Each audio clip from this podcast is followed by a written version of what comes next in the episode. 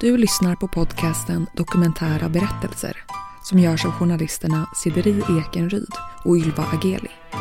Är du nyfiken på hela den nya säsongen av dokumentära berättelser? Då kan du gå in redan nu i Podplay-appen eller på podplay.se och lyssna på alla tio avsnitt av säsong 8 helt gratis. Den här säsongen handlar bland annat om hur det är i Moonrörelsen. Om att börja med smärtstillande Citadon och sluta ett heroinmissbruk. Om tarotkort, Alzheimers och såklart mycket, mycket mer. Så gå in på Podplay och lyssna på hela säsongen redan idag. Helt gratis.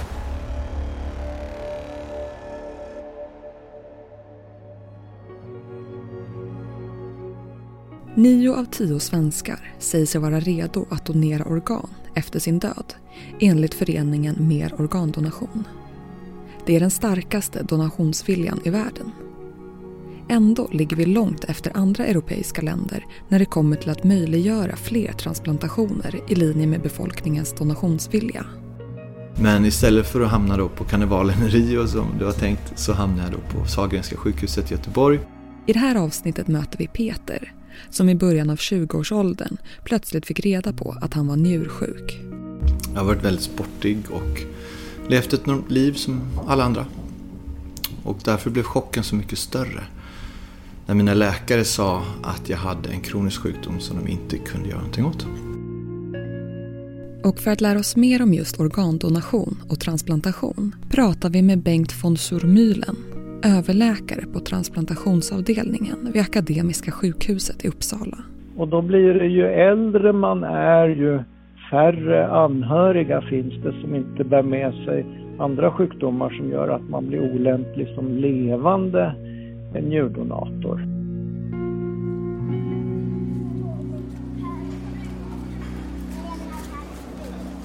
Uppsala, en myllrande studentstad med sitt universitet från 1400-talet. Här utbildar sig Peter och han har pluggat i två år när han känner att han vill ut och se världen. Han är mitt i livet och känner sig odödlig. Så jag skulle åka till Japan och plugga japanska och, och, ja, och ge mig ut på ett äventyr. Och eh, behövde egentligen då ett friskhetsintyg. Så att jag åkte förbi en läkare för att eh, de skulle liksom snabbt signera att allting ser så bra ut, vilket jag kände mig. Men eh, ringde upp bara någon, någon, vecka efter och sa att nej men det här såg inte så bra ut. Hur, hur mår du egentligen? Jag bara, jo, jättebra. Du har ett jättehögt blodtryck. Och jag minns faktiskt inte ens hur högt det var, men de var liksom alarmerande högt. Så jag fick åka in direkt på sjukhuset. Och eh, inom kort så fick jag göra en biopsi också, vilket innebär att man, man tar en liten bit av ens lever för att titta liksom på, på cellnivå, då, hur, hur njuren ser ut. Och det var då man upptäckte att jag hade den här sjukdomen som, som ingen i min släkt har. Alltså. Läkarna berättar att han har fått problem med sina njurar. Och det var ingenting jag hade gjort för att liksom förtjäna det. Det fanns inget i släkten. Det fanns liksom ingenting som, som de kunde förklara egentligen hur jag hade fått den här sjukdomen. Det kallades för IGA-nefrit, förstod jag inte ens vad det betydde. Det var inte så viktigt heller vad, det, vad de kallade det för utan vad de sa var att den här sjukdomen kommer leda till att du kommer få sämre njur, njurfunktion. Och det finns ingenting du kan göra för att stoppa det. Utan du kommer att behöva ändra en transplantation eller gå in i dialys. Men eh, som tur var när, när vi upptäckte det här så såg man det att det var väldigt tidigt. Det var liksom väldigt tidigt stadie av min sjukdom. Så jag hade väldigt mycket njurfunktion kvar. Jag hade ungefär 80% njurfunktion kvar. Så det var inte så att jag kände av det här eh, på något sätt. Så jag kände mig fortfarande frisk efter att ha fått den här sjukdomen. Eh, och det enda som påverkade mig egentligen det var att jag behövde ta prover och käka lite medicin för blodtryck och annat. Men, men kunde fortsätta att leva ett normalt liv egentligen. Organtransplantation, den första gjordes i USA 1954 och belönades med Nobelpriset. Då. Vi hör Bengt von Surmühlen, överläkare på transplantationsavdelningen vid Akademiska sjukhuset i Uppsala om historien bakom organtransplantation. Och i Sverige började vi med njure som första organ eh, eh, som kunde transplanteras tio år senare. Eh, och det skedde på Serafen i Stockholm då. Eh, och sen så kom eh, lever, hjärta, lunga, tarm och så vidare med, eh, bukspottkörtel har jag glömt att nämna tidigare förresten. Eh, som, eh, de kom sen med ett visst intervall. Peter beslutar sig för att inte låta sjukdomsbeskedet hindra honom att fortsätta leva sitt liv. Alltså vilken tur att vi upptäckte det idag och att inte vi upptäckte det senare när man har mindre att göra för att liksom bromsa det här. Jag har inte låtit det här begränsa mig eh, till vardagen. Utan jag, jag, bodde då ett år i Japan, jag flyttade hem efter det och sen har jag bott i Shanghai och det var när jag bodde i Shanghai faktiskt som, som läkarna började höra av sig igen och sa men nu har din njurfunktion sjunkit så mycket så att du har ungefär 30% kvar av din, din funktion. Eh, att nu börjar det bli dags för dig kanske att komma hem för vi vill ta lite mer tester. Ehm, och då, då, då kändes det som ett nederlag att det här, den här sjukdomen skulle liksom påverka mitt liv så pass liksom negativt som jag upplevde det. För jag, jag var ju mitt i livet i Shanghai och jobbade och, och levde där. Så då kände jag att om jag nu ska åka hem så ska jag göra det med flaggan i topp och då tog jag faktiskt Transsibiriska järnvägen hem. Ehm, bara för att det var en sån här bucket list-grej då. Så att eh, jag kom hem via tåg och skulle egentligen hem till Sverige för att ta mina prover och sen hade jag av någon anledning tänkte att men nu ska jag åka till Brasilien och så ska jag jobba där. Men istället för att hamna då på karnevalen i Rio som det var tänkt så hamnade jag då på Sahlgrenska sjukhuset i Göteborg. Och det blev då att mina 30% hade på en månad sjunkit till 9% njurfunktion. Och då mådde jag inte speciellt bra. Och då, då satte man igång med en ganska akut utredning då för att se om, om jag skulle kunna vara, eh, ja, hamna på en transplantationslista och vänta på ett organ. Eller om jag skulle behöva börja dialys. Så på tio års tid så tappade jag i stort sett all njurfunktion. Och då mådde jag inte speciellt bra. Vi gör ju transplantationer på flera olika sjukhus eh, i Sverige. Bengt von Sormühlen, överläkare transplantation igen. Och eh, totalt så är det runt eh, 700 ungefär. Vi undrar hur många som står på väntelistan för organ i Sverige. Det är ju fler än vad det finns tillgängliga organ och det varierar också lite från ett år till ett annat eftersom man kan ha eh, olika andra sjukdomstillstånd som gör att man kan behöva tas ner från väntelistan. Men eh, eh det är alltid ett par hundra mer än vad det finns tillgängliga organ. Då när jag bodde hemma i Sverige då på grund av min sjukdom. Då var det lite svårt. För då hade jag en situation där jag var sjuk men jag var inte så pass sjuk att jag gick in i dialys. Och jag väntade då på att man kan säga att jag skulle bli ännu sjukare för att kunna bli transplanterad. Och att, att då gå till en arbetsgivare och säga hej jag har 15% njurfunktion, jag kommer behöva transplanteras inom ja, kanske ett år, kanske tre år, det vet jag inte. Eh, och jag vet inte jag, men jag vet att jag kommer må sämre och sämre för varje dag som går. Det är kanske är en tuff situation. Eh, och jag var singel vid den tiden. Och att gå ut och dejta och säga, tar man upp det på första dejten? Tar man upp det på andra dejten? Eller hur gör man med, med det? Det var också sånt där som man, som man brottades med, just med hur man skulle leva, den, leva i vardagen. Eh, jag valde nog att vara ganska öppen med det. Just njure är den allra vanligaste transplantationen som görs. Omkring 450 stycken per år. Och sen är det lever, hjärta, lunga och väldigt få tarmtransplantationer som görs. Och livmoder är på försöksstadiet mer kan man säga. Och rent konkret, hur går det då till vid en organtransplantation? Vid njure och i undantagsfall lever kan donatorn vara en levande person. Men vid övriga organ kommer donationen från en avliden donator. Bengt von Sormühlen berättar. Och i Sverige så sker det alltid under kontrollerade former så att det är en patient som har varit på intensivvården. Och fram tills nyligen hade vi eh, eh, enbart donatorer som var hjärndöda. Men nu på senare år så har vi återinfört en kontrollerad hjärtdöd på intensiven kan bli aktuella för eh, organdonatorer. Eh, och donatorn den avlidna donatorn, den operationen sker alltid på det sjukhus där man avlider. Så att då kommer eh, tränad, alltså kirurger som är mycket vana med just den här typen av ingrepp och åker dit från ett transplantationscentrum. Så kirurgteamet kommer från Uppsala eller Stockholm, Göteborg, Skåne och åker till det sjukhus där man avlidit.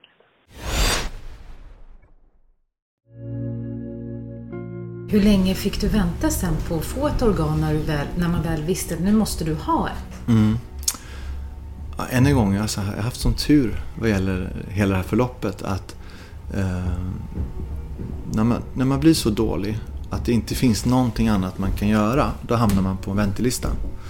Och har man problem med sina njurar, då finns det egentligen två vägar att gå fram. Det ena är att få ifrån en avliden donator och då är väntetiden i Sverige mellan tre och fyra år. För vi är så pass dåliga på att identifiera organdonatorer. Men det andra alternativet är att man kan få en, en, en njure från en levande donator. Från en, en vän eller någon, någon nära anhörig eller någon kollega från jobbet. Och eh, då är det mer att man måste utreda för att se att det matchar, att det passar och att man, man kommer att klara av en sån här transplantation. Under ett års tid pågår en utredning där man undersöker om Peter skulle kunna få en njure av någon av sina föräldrar. Det ska visa sig bli en matchning mellan honom och hans mamma. Så tio år efter sjukdomsbeskedet kommer den stora dagen då han och hans mamma ska genomgå operation. Hans operation tar fem timmar och efter uppvaket rullas han in till sin mamma. Eh, när jag kom upp några timmar efter henne, då låg hon och läste tidningen. Uh, och det var ju liksom en fantastisk lättnad. Ungefär en tredjedel av alla transplantationer med njure som görs kommer från en levande donator. Vi undrar hur livet för de personerna påverkas. Då, eh, för livet för en levande organdonator avseende njure, då ska det vara som när man väl har tagit sig igenom själva operationen och en återhämtning och sånt där. Låt säga ett par till några månader så ska man kunna göra allt man gjorde innan eh, och eh, må lika bra. Vi har en allmän rekommendation att en levande donator ska leva hälsosamt livet ut och, och gå på regelbundna kontroller hos njurmedicinare så att man hittar andra tillstånd i god tid. Men den transplanterade, då, då beror det ju på vilket organ som har transplanterats. Det vanligaste är som jag sa njure. Eh, Medan till exempel eh, eh en, en total leversvikt, då saknar vi ju eh, alternativ behandling, eh, det vill säga dialys som gäller för njure. Så med njure kan man ju gå i åratal i dialys eh, eh, och ha de eh, sidoeffekterna. Medan för lever, hjärta, lunga, om, om funktionen är helt upphävd så är det mer, har vi ingen komplett ersättningsterapi. Eh, eh, och då beror det ju på hur sjuk man var innan man transplanterades. Så när det gäller njure så är man ju även i dialys fortsatt svårt urinförgiftad. Jag brukar jämföra det med som att man är som förkyld men utan snuva och så har den här allmänna sjukdomskänslan, tröttheten, aptiten, aptit, den dåliga aptiten eh, och sen är man ju då bunden till dialysen och eh, så i stor del av veckans timmar. Eh, Och då med en transplantation så släpper ju urinförgiftningen och man är ju fri från dialysen så man har ju ett betydligt större möjligheter till ett socialt liv och mår allmänt betydligt bättre. Om Peter inte hade fått en ny njure hade han varit död idag. Eller så hade han varit uppkopplad mot en maskin tre gånger i veckan, fem timmar per tillfälle. Då hade livet mer handlat om att överleva än att leva. Jag hade inte förstått eh, hur dålig jag var innan. Så att eh, jag är så otroligt tacksam för det här nya livet som jag har fått tack vare min mamma. Innan du fick eh ja, skrevs på den här, ställdes upp på den här listan för Mm. att få en transplantation. Alltså hur reflekterar man liksom över livet och döden? Och... Jag tror, för min egen del, så tror jag att de tankarna kom efter transplantationen. Jag tror man har så mycket fullt upp med att överleva vardagen. Att man, inte, man orkar inte ta de tankarna riktigt till sig. Och det här med att förstå att jag kanske inte överlever, det hade jag nog svårt att ta till mig. Så att, så att för mig så var den processen kom efteråt. Det är så, vad har jag varit igenom? Vad, vad är det som har hänt? Och vad är det som är viktigt i livet? Det är sånt som man tänker på kanske efteråt när man har liksom överlevt och man ska planera sitt liv framåt. Vad är det som är viktigt i vardagen? Vad är det som är viktigt i mitt liv? Eh, Så de tankarna kommer definitivt, men de kommer faktiskt efter transplantationen. Det märker jag också med många andra. Att det är kanske ett år, upp till ett år nästan, som det tar att liksom behandla hela den här processen. För det är, det är ju liv och död som, som det faktiskt handlar om. Och det är klart att det påverkar en. Så hur gör man då om man vill donera organ?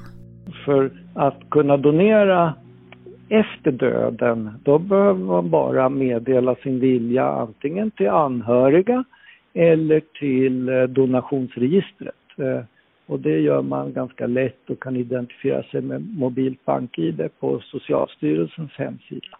Brukar bara, eh, man brukar bara kunna googla då och, och, donationsregistret på, på sin dator så kommer det fram den rätt, alltså rätt sökalternativ där och så hittar man lätt rätt.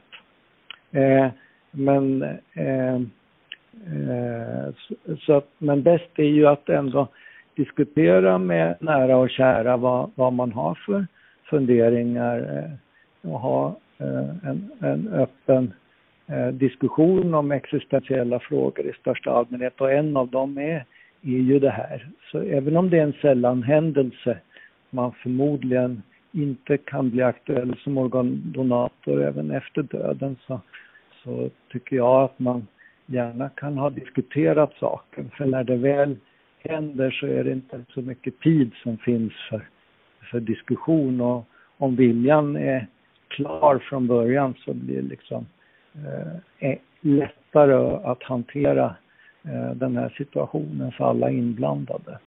Ser man tillbaka på de senaste tio åren har både antalet transplantationer och donatorer ökat i Sverige. Det beror delvis på att vi sedan 2015 inledde ett pilotprojekt där man implementerade metoden DCD, donation efter cirkulationstillstånd. I juli 2022 trädde en ny lagstiftning i kraft där DCD som metod används. Ja, det var, I Sverige införde vi ju hjärndödsbegreppet 1988 och, och då under många, många år så har vi eh, enbart eh, haft hjärndöda som organdonatorer. Men trots alla insatser och informationskampanjer och sånt så är det ju som allmänt känt att det är en stadig brist på organ.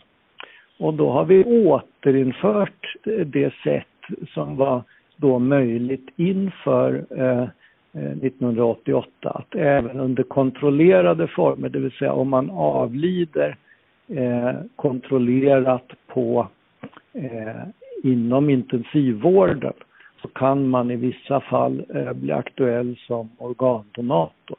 Och då står eh, C i DCD står för hjärta, alltså för cirkulationsdöd.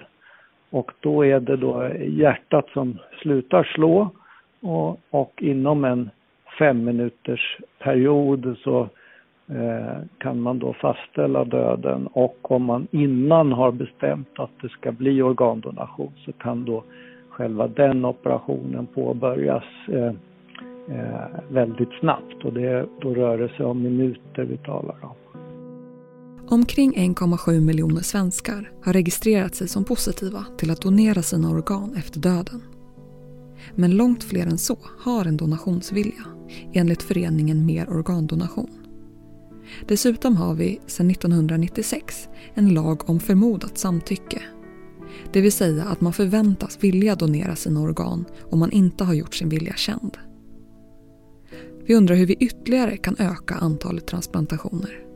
Ja, dels är det ju den grundläggande är ju att befolkningen i stort har ett stort förtroende för sjukvården Eh, och att man är medveten om att donation och transplantation eh, är livräddande åtgärder så att man har en positiv inställning till verksamheten som sådan.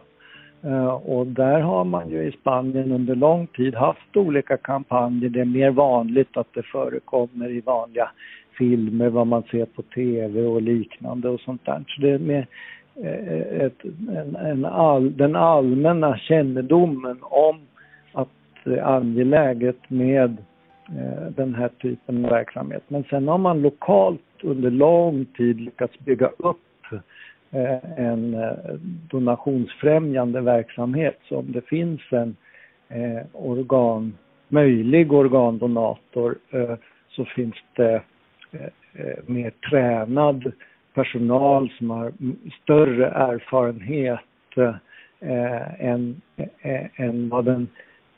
För ofta är det ju en sällanhändelse på ett litet sjukhus. I Sverige har vi ungefär 180 till 190 eh, avlidna organdonatorer per år och då förstår man ju att på ett litet sjukhus så kanske det är ingen något år och någon nästa år. Eh, och då blir det ju färre möjligheter att få just den här erfarenheten och träningen lokalt. Så att eh, en, ett allmänt informationsläge, eh, en stark lokal eh, tränad eh, organisation med erfarenhet.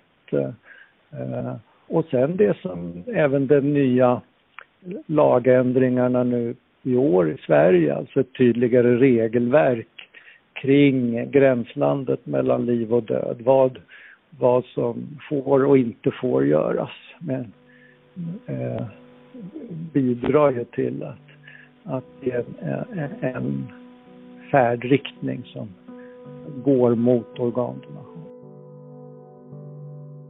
Alltså när jag ser tillbaks på det som har hänt mig. Jag blev sjuk när jag var 22 år gammal. Eller jag, jag ser mig inte själv som sjuk, men jag fick en sjukdomsbild liksom, när jag var 22 år gammal. Jag blev transplanterad när jag var 32. Och eh, jag är tacksam över det som har hänt mig. Jag skulle inte vilja leva ett annat liv. Jag skulle alltså inte vilja ha det här ogjort. Och framtiden då? Finns det några forskningsframsteg vi kan hoppas på när det kommer till att till exempel odla organ? Bengt von Sormylen igen. Ja, då blir det ju lite olika beroende på vilket organ. Det är ju till exempel njure tror jag är betydligt svårare att odla fram eftersom där är det inte, det är inte bara en njurcell utan det är hur många olika celler sitter ihop. Och även om sen levercellen är mer komplex så är själva arkitekturen för levern eh, eh lättare. Eh, eh, och eh, sen har man ju haft försök eh, under väldigt lång tid och även i nutid med att man försöker hitta en organ från eh, olika djur, till exempel gris. Men den barriären har man än så länge inte på lång sikt lyckats eh, ta sig förbi. Så, så, att kroppen känner fortfarande igen det som allt för främmande. Eh, trots eh, att man har försökt förbehandla eh, eh or organen eh, med, med olika tekniker det som vi hoppas på inom, inom en möjlig framtid är ju ändå att man inte ska behöva ta, eh, eller i mindre omfattning, läkemedel mot avstötning genom eh, olika cellterapier eh, och manipulera immunförsvaret på ett annat sätt än genom läkemedel. Att helt enkelt kroppen så att säga blir tolerant för organen så att man inte behöver äta eh, läkemedlen mot avstötning, den immunhämmande behandlingen.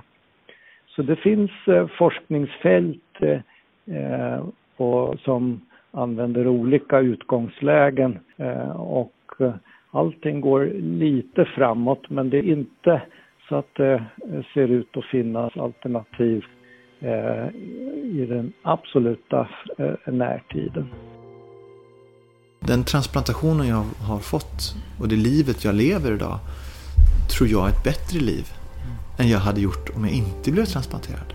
Och det, det är väldigt svårt för många att förstå men jag ser på livet annorlunda. Eh, sen har jag svårt att förklara exakt vad det är. Är det att jag tar en promenad eller att jag umgås med mina barn eller att jag har vänner? Det, det har jag svårt att liksom kvantifiera eller mm. så. Men jag är jättetacksam över att jag fått den här uh, nya synen på, på livet.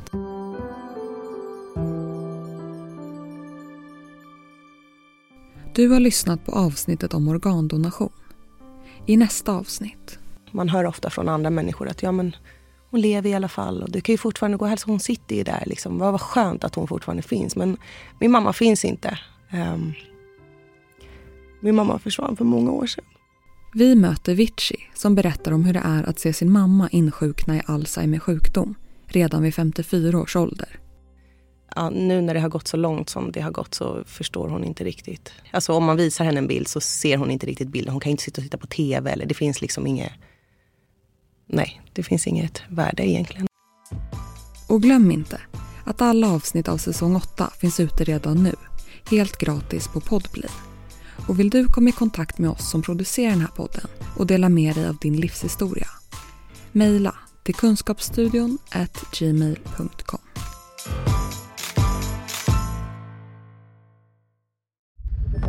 Podplay, en del av